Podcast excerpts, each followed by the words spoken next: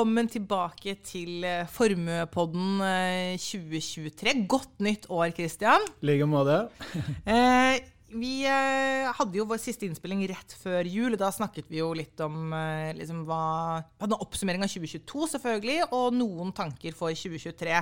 Og i dag så skal vi, som lovet, ta et eh, litt eh, nærmere blikk eh, inn på 2023.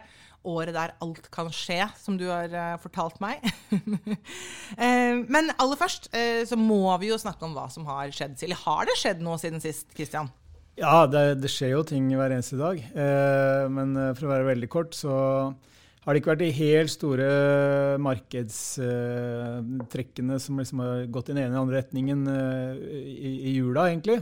Eh, men hvis vi ser på hva som har skjedd så langt i år, så har jo europeiske aksjer fått en eh, veldig god start. Opp eh, nesten 4 på bare noen få handelsdager. Mm. Og det kommer i kjølvannet av bl.a. Noen litt mindre pessimistiske økonomiske tall. Og veldig positive overraskelser på inflasjonssiden mm. i, i, mange europeiske land. Og det gir jo investorene håp, håp, om at sentralbanken ikke skal være så strenge. Hva ligger i det da, at det er noe positivt rundt, eller overraskende positivt rundt inflasjon? Hva vil det egentlig si? Nei, Det betyr jo at uh, hvis man da får uh, inflasjonstall som er lavere enn det markedet har forventet på forhånd, mm. så vil jo det bli oppfattet som en positiv overraskelse. At uh, inflasjonen kanskje faller raskere enn det man har trodd, og at det kan føre til at sentralbankene da ikke trenger å heve styringsrenten så mye. Mm. Men det som er litt sånn med de europeiske inflasjonstallene, det er at en del av de påvirkes av noen sånne tekniske faktorer knyttet til subsidier fra myndighetene og sånt noe. Mm. Så det er mange som skriver at uh, de inflasjonstallene kan faktisk sprette opp igjen uh, de, de, kommende månedene. Så det, det, er kanskje noe vi må, må bare venne oss til. Men uh, ellers så har vi sett betydelig smittevekst i, i Kina. Ja. Og det kan jo føre til nye problemer i forsyningskjedene dersom dette utvikler seg. Og det er også en del som spekulerer i om denne smittebølgen i Kina kan gi grunn, grunnlag for nye virusvarianter, altså nye mutasjoner, ja. som da kan bli et nytt problem i 2023. Vi får håpe vi slipper det. Uh, vi kan jo håpe på at de muterer til mindre alvorlige varianter. Det er jo også heldigvis en ting som virus ofte gjør. Da. Absolutt. Ellers har det vært litt sånn uh, blanda nøkkeltall fra USA. Eh, sist i, i, denne uken her så fikk vi da eh, den amerikanske ISM-indeksen, som er en av de viktigste vekstindikatorene for amerikansk industri og amerikansk økonomi. Den falt eh, videre, så det er, det et tydelig tegn til oppbremsing. Men samtidig så er det stadig flere signaler om at arbeidsmarkedet i USA og mange andre vestlige land også for så vidt holder seg sterke. kom, det kommer vi litt tilbake til. Ja. men Dette var faktisk en rask oppsummering av hva som har skjedd. Bra, Kristian. Da skal vi dykke inn i eh, Eller se inn i krystallkulen eh, for 2023. Og vi skal altså gjennom syv ulike temaer. Eh, og dette er jo da det du sier nå, Kristian, det er det vi skal ta opp igjen i siste episode i desember igjen, for å se hvor, hvor rett eller galt Du hadde jo mye rett om 2022. De syv ulike temaene vi skal gjennom nå, det er geopolitikk og politikk, økonomien, inflasjon, pengepolitikk, inntjening, verdsettelse og markedsstemning. Og det første, det første punktet det handler om geopolitikk og politikk. Og um, her har du skrevet til meg 'økt økonomisk betydning på godt og vondt' som en sånn superrask oppsummering av dette. Hva, hva mener du med det? Jo, fordi på den ene siden så er det jo ingen tvil om at uh, mye av det som skjer innenfor geopolitikken, det er jo mindre konstruktivt og, og, og vondt på, på, sett og vis. da. Og Først og fremst så tenker jeg da på krigen i Ukraina, hvor Putin nylig advarte om at den kunne bli langvarig. Mm. Eh, og Hvis den skulle eskalere, så er det klart at det vil eh, skape enda større negative, ikke minst humanitære, samfunnsmessige konsekvenser, men også økonomiske konsekvenser. Og så har vi det litt sånn uh, ubalanserte forholdet mellom USA og Kina, som gjennom fjoråret egentlig forverret seg. Uh, Bl.a. pga. en del tiltak som amerikanske politikere gjorde. Uh, Bl.a. disse eksportrestriksjonene på halvlederteknologi oh. uh, til Kina. Eh, Men det vi også da vet, det er jo at eh, i det siste så har det kommet noen sånne oppmykende signaler i dialogen mellom USA og Kina. De har bl.a. gjenopprettet eh, kommunikasjon og dialog knyttet til klimaendringer og, og eh, tiltak mot eh, temperaturøkninger. Og det har også kommet noen signaler fra kinesiske politikere om at de ønsker å styrke samarbeidet med, med USA. Selv om det går da litt på, på tvers av det som har vært signalisert eh, tidligere.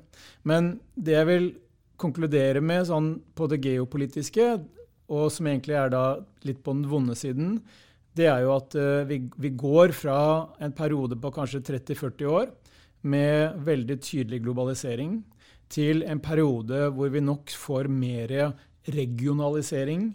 Og at eh, USA ønsker i større grad å verne om sine egne økonomiske interesser. Kina det samme. Og Europa står nå i en situasjon hvor de havner litt med lua i hånda og står litt mellom disse to. Eh, og det ser man eh, veldig tydelige signaler til. Amerikanske politikere innfører sterke insentiver for økte investeringer i amerikansk økonomi, amerikansk næringsliv. Eh, Kina eh, gjør akkurat det samme. De ønsker å bli mer selvforsynt innenfor energi, innenfor mat, innenfor teknologi. Eh, Europa da må egentlig gå i gang med noe av det samme som de har begynt med nå, med tanke på energiuavhengighet fra Russland bl.a. Absolutt. Som da betyr økte investeringer i, i fornybar energi. Men vi må også se at uh, uh, europeiske politikere legger mer til rette for økte investeringer i, i sine økonomier for at dette skal bli en, en god balanse. Men på det vonde så handler dette mye om at eh, hvis disse regi regionene skal handle mindre med hverandre og være mer selvforsynt, så betyr det i utgangspunktet et høyere kostnadsnivå, et høyere, altså høyere kostnad på produksjon. Altså, det er det vonde. Det er det vonde, for Ja. det kan da være én av bidragsyterne til at inflasjonsnivået opprettholdes. Ja. Men når jeg da sier økonom, økt økonomisk betydning på godt og vondt, så betyr jo det at det også er noe potensielt godt her. Eh, og det er jo at politikerne har blitt mer villige til å bruke finanspolitikken, altså budsjettpenger, til å støtte økonomien i en dårlig periode. Og vi vet også at politikerne står ekstremt uh, viktig plassert i forhold til å legge til rette for det grønne skiftet og investeringer i fossilfri energi, som du har lært meg å si, Ja. eh, fremover. Og dette betyr jo penger inn i økonomien, det betyr støtte til økonomien, det betyr arbeidsplasser, og det betyr eh, forhåpentligvis økt produktivitetsvekst eh, på sikt. Eh, Men så er det jo som mye annet at eh, denne kall det gode tingen, altså at myndighetene bruker mer penger, det har jo også en potensiell ulempe gjennom at eh, de da forlenger egentlig den inflasjonsimpulsen. Når de støtter økonomien, styrker økonomien i en periode hvor vi har høy inflasjon, ja. så er jo ikke det til hjelp. Ideelt så skulle de ikke gjort det hvis vi bare tenkte på inflasjonen som et da, Isolert isolert, sett. sett. Men det kan vi jo ikke ikke gjøre. Ja. Så det er derfor jeg sier at geopolitikk og politikk det er nå Det får større økonomisk betydning enn før, og både på godt og vondt. Både på godt og vondt. Det var første punkt i dag. Neste er økonomiske utsikter. Og her skriver du som en oppsummering stigende styringsrenter vil bremse økonomien en god stund til. Utdyp, Kristian. Jo, fordi eh, vi har jo sett gjennom 2022, til tross for liksom, høy inflasjon, stigende renter, alt det der, så har egentlig verdensøkonomien klart seg ganske bra. Og der jeg vil trekke frem to ting som har bidratt til det. Eh, det første er mangel på arbeidskraft, lav arbeidsledighet. Det fører til at mange privatpersoner, husholdninger, de har bedre kjøpekraft enn om Ja. de ikke hadde hatt jobb. Eh, og det andre er at eh, både bedrifter og privatpersoner har hatt mer sparepenger å tære på gjennom 2022. Dvs. Si bedre evne til å håndtere inflasjon, bedre evne til å håndtere renteoppgang enn om man ikke hadde hatt den sparebufferen. Og dette har egentlig vært med på å gjøre verdensøkonomien mer motstandsdyktig i 2023. Men når du da har en verdensøkonomi som er motstandsdyktig, og du ser at folk bruker penger, bedriftene er mer forsiktige, men de fortsetter å investere, de også, mm. så er jo det også med på å gjøre sentralbankenes jobb vanskeligere. Med å få inflasjonen ned. Så det er dette som er liksom catch 22-situasjonen. da. Så vi må gjennom at det blir kjipere måtte, etter at vi da har tæret på de reservene vi har. Er det det du egentlig sier? At for, å, for at det skal gå ned, så, så, må vi kjenne det mye mer enn det vi gjør nå? Ja, Litt mer? Ja, jeg tror kanskje det, og spesielt da i, i arbeidsmarkedene. Ja. Uh, og der er det jo rett og slett vanskelig å få inflasjonen ned til 2 mm. uh, hvis vi skal fortsette å ha rekordlav arbeidsledighet. Og da blir det en sånn hårfin balansegang. Fordi vi vet jo, som vi har snakket om før i en tidligere episode, at eh, sentralbankene skyter jo ikke med kikkertsikte med pengepolitikken, de skyter med hagle. Ja. Og det betyr jo at det er stor fare for pengepolitiske feilgrep, at de strammer inn for mye eller for lite, og at det kan få store utslag i bl.a. arbeidsmarkedene og i økonomien. Men Europa er nok sannsynligvis allerede i en slags form for resesjon. Det er ikke sikkert den blir så langvarig eller dyp. Vi ser jo at eh, det er varme temperaturer i Europa. Det bidrar til at eh, gassprisene, strømprisene, har falt eh, kraftig. Og hvis vi da i tillegg er heldige og ser at inflasjonen kommer raskt ned, og sentralbanken ikke trenger å heve så mye, så kan liksom man, man, få eh, en, nedtur som ikke blir altfor alvorlig. Eh, I USA så er det også betydelig resesjonsfare inn nå i, i, 2023. Og der er det da spesielt eh, stigende styringsrenter. Hvis Fed fortsetter å heve renten, så vil det etter hvert eh, begynne å tære på eh, forbruksevnen hos husholdningene, som nå ikke har så mye sparepenger lenger og investeringsviljen i, i næringslivet, eh, bl.a.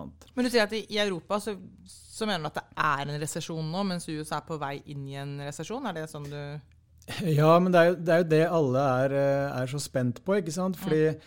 Nå har vi jo gått og ventet på disse resesjonene hele 2022, nesten. Ja, det har vi. Og det er jo som, som eh, noen mener at det, dette er liksom den mest uh, forventede resesjonen ever.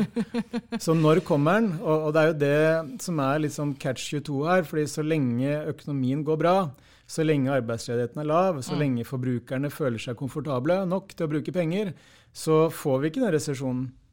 Men, men, igjen, det betyr jo da at rentene må enda høyere opp, mm. så fremt inflasjonen ikke faller. Mm. Men en, eh, en, joker da for 2023, det er jo Kina. Ja. Fordi nå har jo Kina nærmest uh, sluppet uh, alle restriksjoner uh, opp når det gjelder covid og, og, smitte. Det skjedde ganske brått, egentlig? Det skjedde veldig brått. Ja. raskere enn egentlig stort sett alle hadde trodd. Ja. så det var å snu på femøringen. Ja. Og det har jo da utløst en voldsom smittebølge. Og vi snakker mm. liksom om mange hundre millioner eh, kinesiske smittetilfeller eh, hver uke. Mm. Og det er jo da en, en, fare for økonomien på kort sikt. Men hvis vi da forutsetter at dette viruset eh, ikke skaper langvarige problemer i økonomien, så betyr jo det at man etter hvert når en smittetopp, og så vil smitten falle og så vil økonomien kunne få en eh, voldsom akselerasjon. Mm. Eh, og det er jo noe som vil kunne være på godt og vondt, det også. fordi en akselerasjon i kinesisk økonomi det vil jo øke etterspørselen i Kina etter olje, industrimetaller. Eh, tenk på turisme igjen. ikke sant? Mm. Kineserne har jo sittet innlåst i tre år, nesten. Og er da fulle med sparepenger. Ja. Som de da kunne tenke seg å bruke på reiser og luksusvarer i Europa bl.a. Mm. Og det bidrar da til at øh, øh, vekstpotensialet i kinesisk økonomi fremover er betydelig, så fremt man får øh, kontroll på, på, smitteutviklingen. Ja. Um, og det siste punktet Siste punktet her, ja. På de økonomiske Du har fire punkter under økonomiske utsikter. Siste. Det er demografi og produktivitet kan bli vekstbegrensende faktorer på sikt. Ja, det var det. Og, og for å bare opplyse om det, så min PC der jeg har notatene, låste seg, og så har, har vi fått et så langt passord nå, så jeg rakk ikke å skrive det inn. Det var derfor jeg måtte spørre deg. Men, men nok om det. Jo, fordi det er en kjempegreie, det der med demografi og produktivitet. Fordi vi vet jo at det er betydelig mangel på arbeidskraft mm. i veldig mange økonomier. Uh, og selv nå, liksom ett-to år etter det verste med pandemien, så er det mangel på arbeidskraft. Ja. Og noe av det kan knyttes til en eh, stadig aldrende befolkning. Hvor en eh, stadig mindre andel av befolkningen er i arbeidsfør alder, altså mellom 17, 18 og 65. Mm. Og dette er en tendens som egentlig vil fortsette fremover, både i USA, i Europa og ikke minst i Kina. Og det kan føre til at det vil fortsette å være knapphet på arbeidskraft. Og hvis det er knapphet på arbeidskraft, så betyr det i utgangspunktet at produksjonskapasiteten og vekstpotensialet i økonomien blir mindre. Samtidig som uh, det blir et arbeidstagers fremfor et arbeidsgivers marked, mm. som igjen kan føre til perioder med høyere lønnsvekst. Det andre, når det er produktivitet, det handler liksom om økonomiens evne til å produsere stadig mer per enhet, eh, kall det innsatsfaktor, eller per arbeidstime osv. Eh, og der er produktivitetsveksten blitt veldig lav. Eh, og det er to ting som egentlig må til for at vi skal få høy økonomisk vekst. Og det er vekst i arbeidsstyrken, mm. som da utfordres av demografi. Og det er stigende eller høy produktivitetsvekst, som da utfordres av bl.a. en del av de strukturelle tingene vi ser i arbeidsmarkedet. Eh, litt eh, vegring hos mange bedrifter til å investere osv., og, og spesielt da i en økonomisk nedtur. Men det grønne skiftet kan være én faktor som bidrar til å få produktivitetsveksten i gang igjen. Yes. Det var de økonomiske utsiktene. Og da er vi kommet til punkt tre i dag, som er inflasjon. Det er jo, det er blitt, mitt, eh, det er jo blitt uh, hovedtema i, i denne, denne podkasten, og det er kanskje ikke så rart. Uh, her står det inflasjonsoverraskelser på vei opp kan borge for overraskelser også på vei ned. Ja, fordi den inflasjonsbølgen som vi fikk gjennom 2022, som startet høsten 2021, kan vi si, uh, den overrasket de aller, aller fleste. Og hvem er det som har mest peiling på inflasjon i hele verden? Jo, det er nok sannsynligvis mange av de kloke hodene som sitter og studerer inflasjon hos sentralbankene. Og selv ikke de klarte å forutsi at dette kom til å bli den største inflasjonsbølgen på 40 år. Mm. Og da er det også slik at uh, markedet, finansmarkedene, de priser nå inn at inflasjonen kommer til å normalisere seg ganske kjapt. Uh, mye raskere enn det som har vært uh, tilfellet historisk. Og Markedene kan ha rett, eh, fordi noen av de inflasjonsdriverne nå nylig de har vært, drev, altså de har vært drevet av pandemi, eh, forsyningskjedeproblemer knyttet til covid, en del sånne ting som nesten garantert ikke er langvarige. Så, så poenget mitt er at vi fikk veldig overraskende inflasjon på vei opp.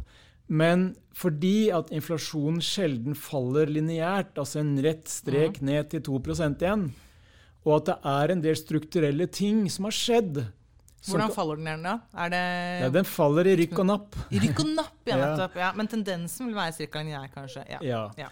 Eh, fordi det er, det er, tre ting som jeg har lyst til å trekke frem på inflasjon. Fordi tre ting som har bidratt til lav inflasjon de siste årene, det er billig arbeidskraft mm. knyttet til bl.a. outsourcing av produksjon til Asia, til Kina, Taiwan osv. Det er billig kapital.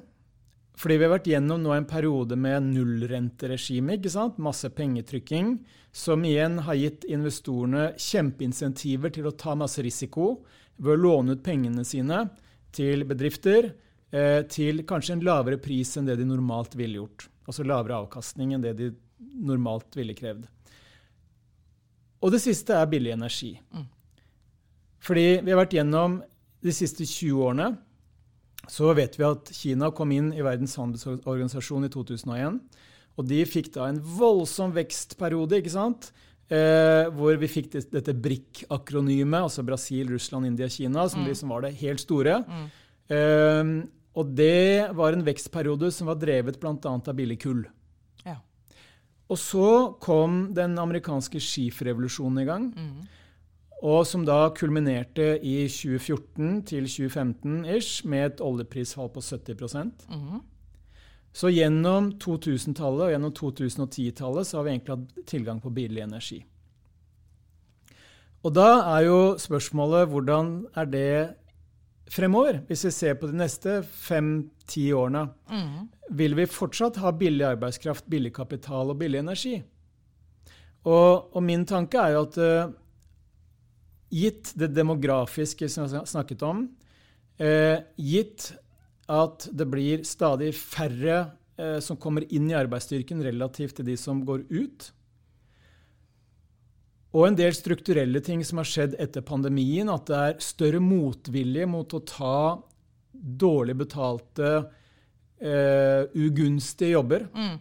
Nattevakt med, med, gullvask eller jobbe i restaurant, være servitør, være eh, i oppvasken på restaurant. Altså bare som eksempler, mm. så ser vi at uh, lønnsveksten, altså de bedrifter, restaurantene, da, de må betale mye mer ja. i lønnsøkninger enn man må ellers i økonomien for å tiltrekke seg arbeidskraft til ugunstige jobber. Mm. Og Det kan også bety at uh, du skal ha et høyere lønnsnivå i arbeidsmarkedet generelt, og spesielt da i de dårligst betalte jobbene fra før. Så det er ikke sikkert vi får så billig arbeidskraft de neste årene som det vi har hatt. Og når det gjelder billig kapital, så vet vi at eh, hvis vi forutsetter at inflasjonen ikke faller ned til 1-2 og blir værende der, mm. så betyr jo det også at uh, uh, rentene skal være på et høyere nivå enn før. Vi skal ikke nødvendigvis tilbake til et nullrenteregime. Det er veldig lite Nei, Det er vel ganske spesielt? Veldig, veldig spesielt. Ja. Og Det betyr jo da at hvis vi får et høyere inflasjonsnivå som kanskje er noe mer urolig, så betyr det at uh, rentenivået som markedet priser inn frem i tid, vil også være høyere. Hva er det med et urolig eh, inflasjonsnivå? At det går opp og ned? At, ja. det, ja, at det, liksom litt, det, holder seg ikke stabilt? Nei. Ja, okay. Fordi tenk, tenk f.eks. på eh, Nå kommer jeg litt inn på det da, med energitransisjon. fordi Kommer vi til å ha billig energi de neste fem til ti årene? Og det vi vet, og det som du er en minst, minst, like god ekspert på som meg, det er jo at når man skal fase ut fossil energi mm.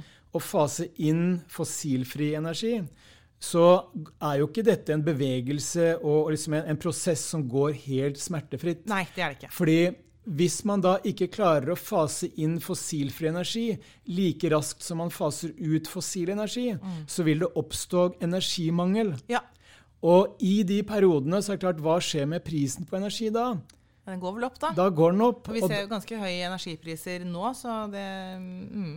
Ikke sant. Så det vi må forberede oss på, det er jo at et mer urolig energibilde de neste årene vil føre til et mer urolig inflasjonsbilde de neste årene. Mm. Og hvis vi har et mer urolig inflasjonsbilde, så vil vi også ha et mer urolig rentenivå.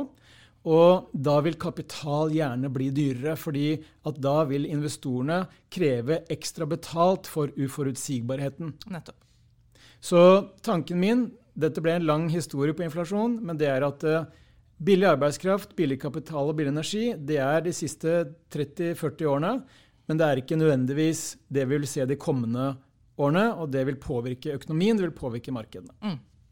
Men inflasjon er spennende. Det er jo liksom jeg lurer på, Er det liksom som å ta temperaturen, på en måte? Hvor, eh, er det feber eller ikke? på en måte, Hvordan er inflasjonen? Eh, ja, du nikker. Er, ja, for det er jo en temperaturmåler på økonomien. Ja. Men det som er så spesielt og så vanskelig med inflasjon, det er jo at det drives både av etterspørselsfaktorer og av tilbuds- eller produksjonssidefaktorer. Mm. Mm. Og det å liksom regne ut eller spå hvordan disse variablene kommer til å slå ut i faktisk inflasjon, det er det egentlig ingen som klarer. Nei, Det er jo umulig. Det, dette er jo et fullstendig kaotisk system, som man ville kalt det i, eh, i fysikken. Hvor eh, ja, du, du, kan jo ikke vite hva som plutselig kommer til å skje. Nei, men det er klart, man, man kan jo legge det på noen knagger. Mm. Altså, Hvis vi går inn i resesjon, vi ser bedring i verdikjedene, vi ser lavere fraktpriser, vi ser lavere råvarepriser, oljeprisen under 80 dollar. Mm. Vi ser at sammenligningsgrunnlaget på inflasjon i år sammenlignet med i fjor vil være mye, mye høyere. Altså, det blir vanskelig å få inflasjonen til å stige i år fordi den steg så mye i fjor. Så dette er ting som tyder på at inflasjonen skal ned. Ja. Men vi har høy lønnsvekst, vi kan få energimangel, vi har klimaendringer. Vi har en ekspansiv finanspolitikk, og vi har mer regionalisering i det geopolitiske bildet, som alle er inflasjonsdrivende. Nettopp. So your guess is as good as mine. Det, det tror jeg kanskje ikke, men, eh, men, anyways. Da går vi til neste punkt på, på dagens program, og det er pengepolitikk. Sentralbankene frykter inflasjon mer enn resesjon, er en påstand her. Og da tenker jeg også først uh, min, min, min, instinktive magefølelse er uh, Er ikke resesjon enda verre? Man, hvorfor frykter de inflasjon mer enn resesjon?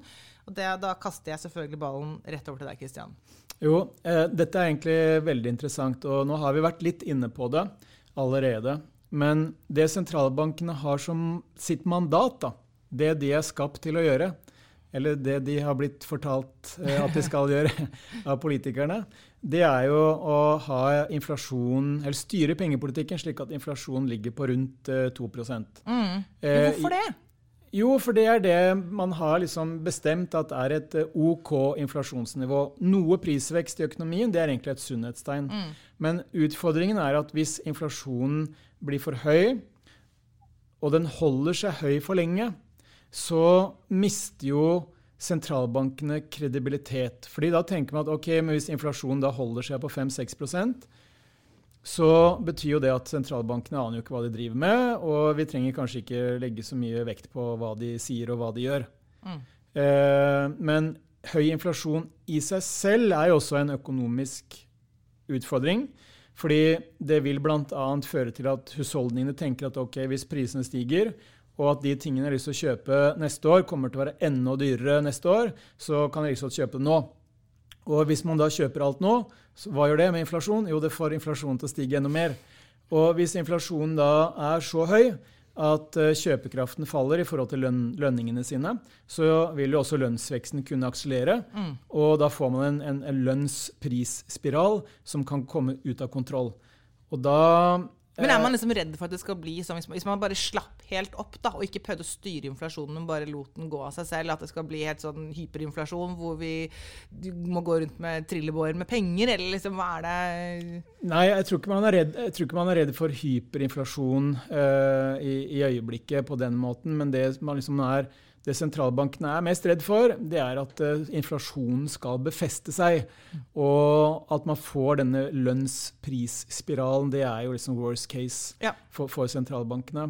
Men det som er uh, situasjonen nå, da, som er veldig spennende, det er jo at uh, sentralbankene sier noe annet enn det finansmarkedene tror at de mener. Det er interessant. Fordi Sentralbanken i USA de sa senest nå i desember, vi fikk referater fra rentemøtet denne uken her, mm. at uh, vi er ikke ferdig med å heve rentene. Nei. Vi kommer ikke til å kutte rentene før vi er helt sikre på at inflasjonen er på vei ned skikkelig. Og vi ser med en viss bekymring, nå siterer jeg ikke direkte, men fritt sitert, ja. uh, og vi ser med bekymring på at uh, finansmarkedene tror at vi kommer til å kutte renten. Mm. Fordi det fører til en oppmykning i de finansielle rammebetingelsene for næringslivet. Altså finansieringskostnadene faller igjen. Mm. Og det kan være med på å forlenge inflasjonsproblematikken. Ja. Så jeg, jeg, tror at investorene kanskje er litt for optimistiske med tanke på rentekutt i USA gjennom andre halvår, som de priser inn. Mm. Det prises inn 0,4% rentekutt gjennom andre halvår i år. Og det sier sentralbanken at det kommer ikke til å skje. og, da, og da er det jo spørsmålet hvem er det som får rett.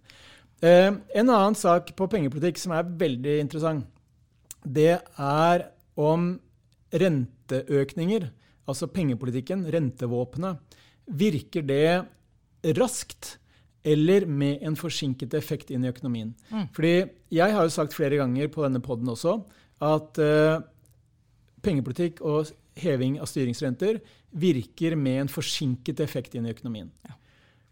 Og det kan være liksom 12 18-24 måneder. Litt avhengig av hvilke akademiske studier man ser på.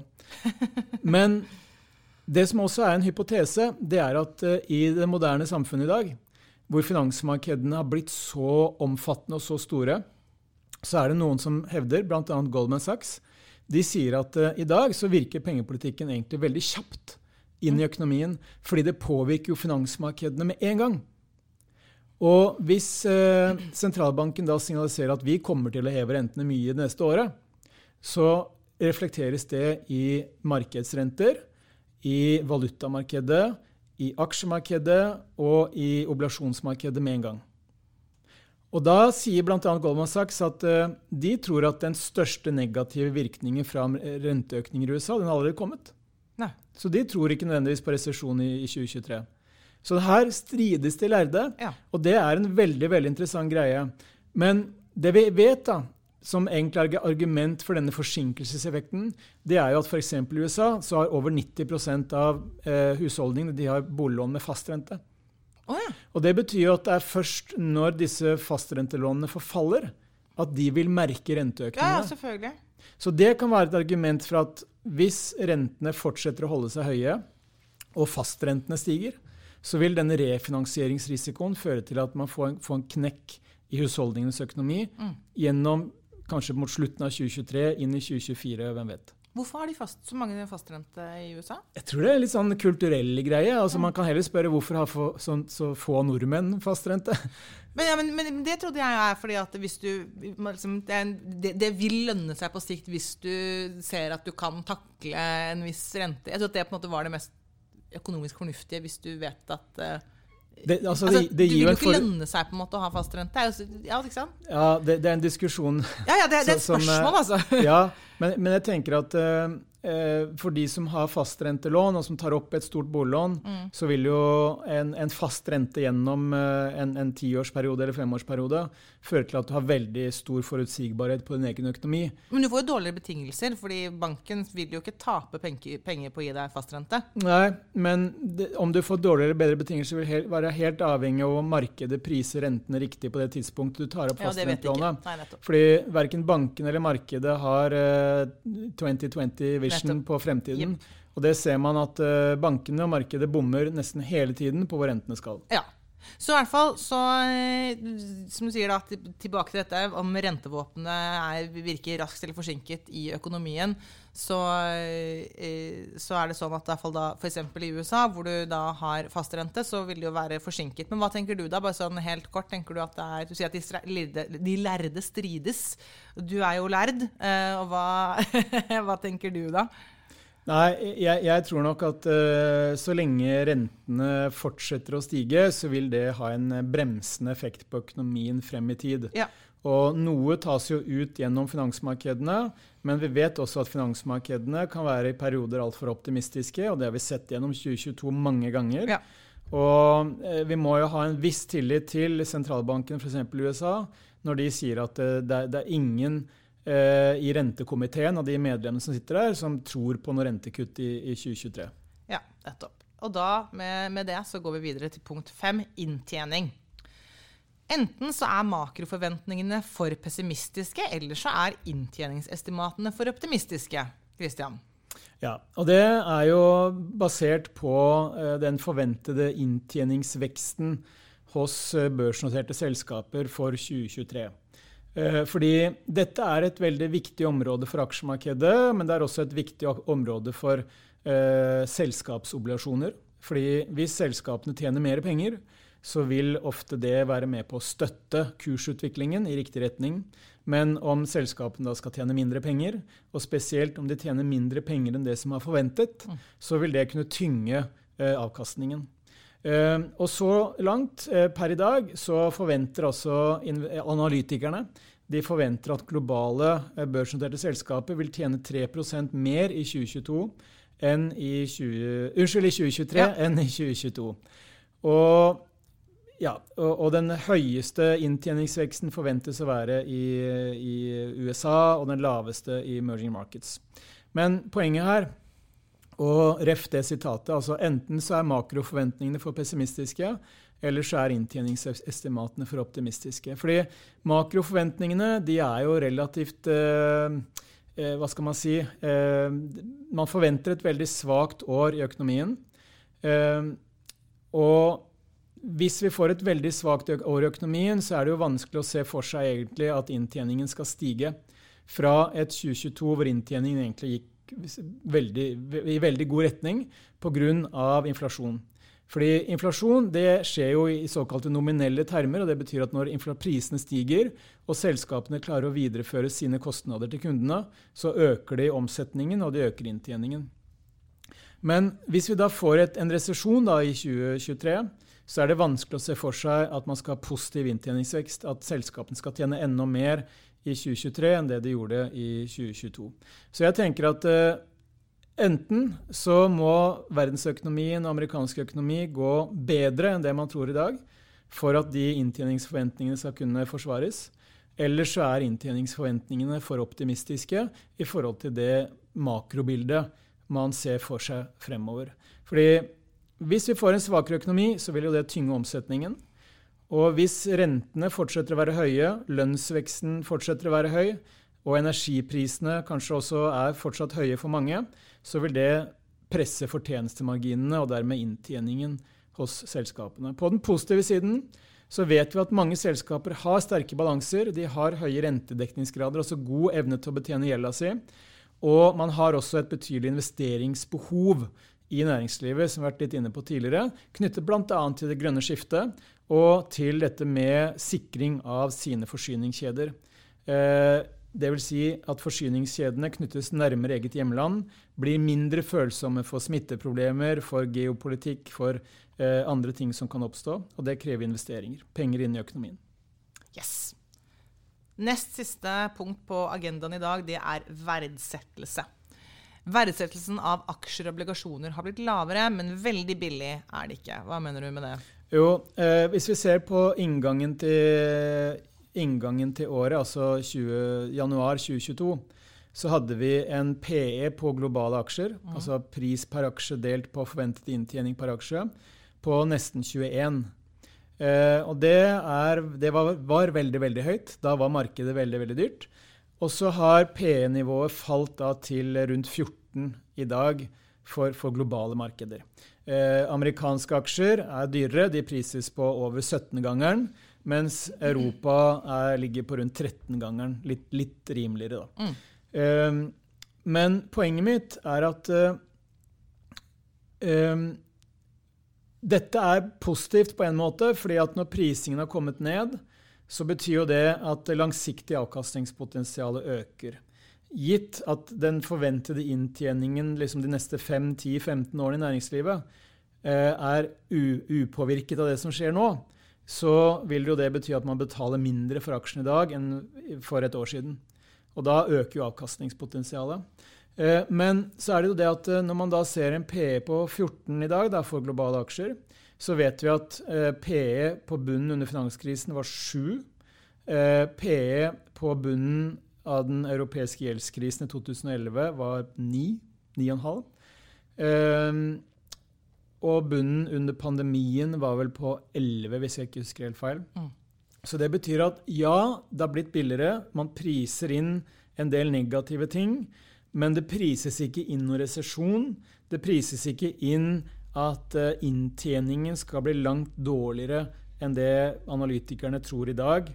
Eh, så det er eh, høy følsomhet for skuffelser i dagens verdsettelse.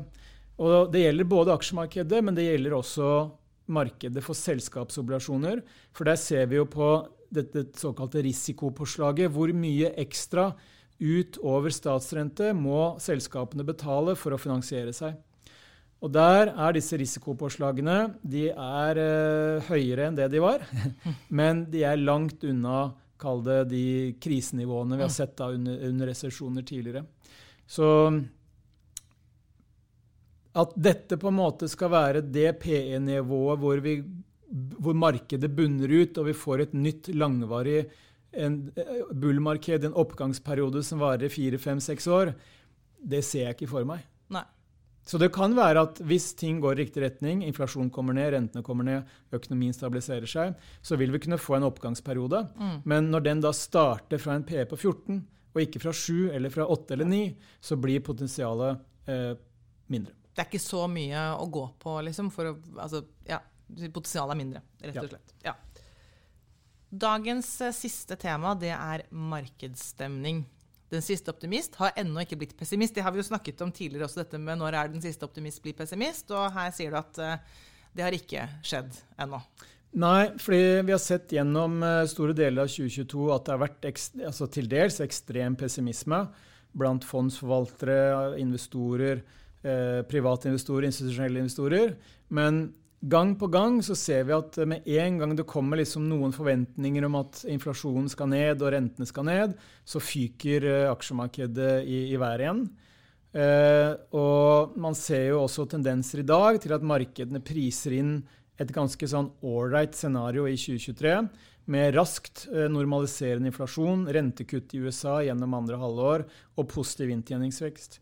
Og det er klart at det er en del optimisme knyttet til det, og det betyr at den siste optimist har ikke blitt pessimist. Mm. Og det er gjerne det som har kjennetegnet de store vendepunktene eh, tidligere etter økonomiske nedturer, nedturer i aksjemarkedet, og som da har foranlediget lange oppgangsperioder eh, etterpå.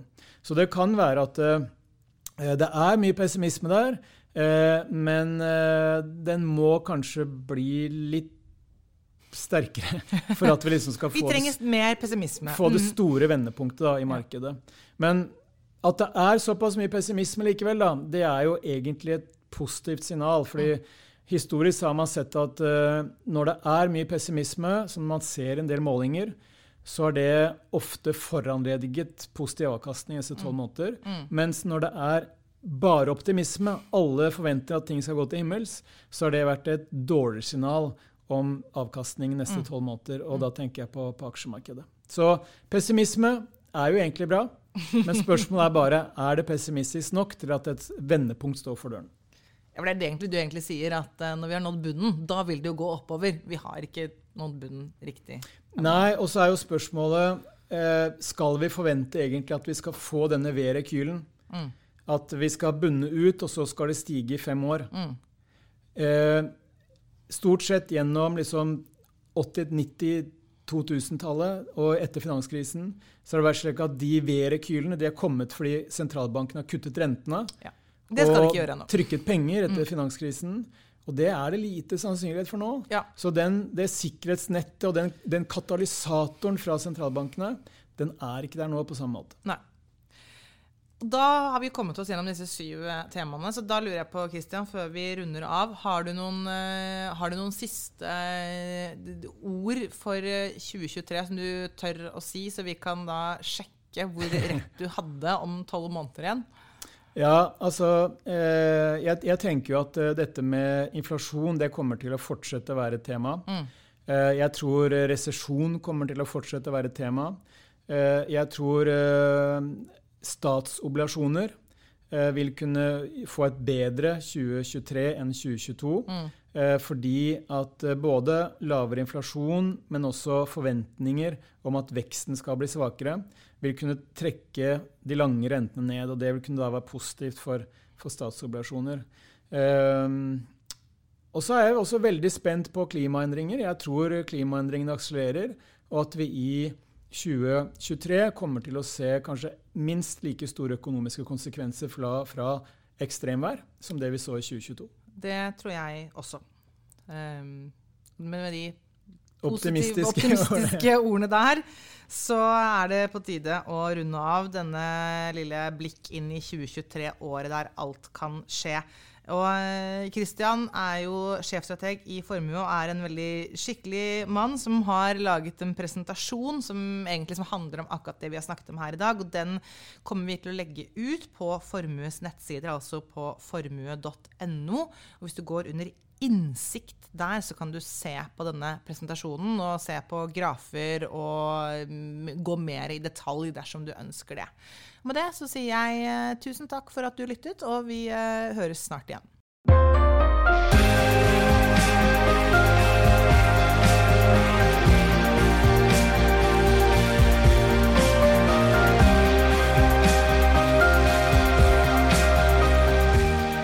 Du har hørt på Formuepodden, en podkast fra Formue.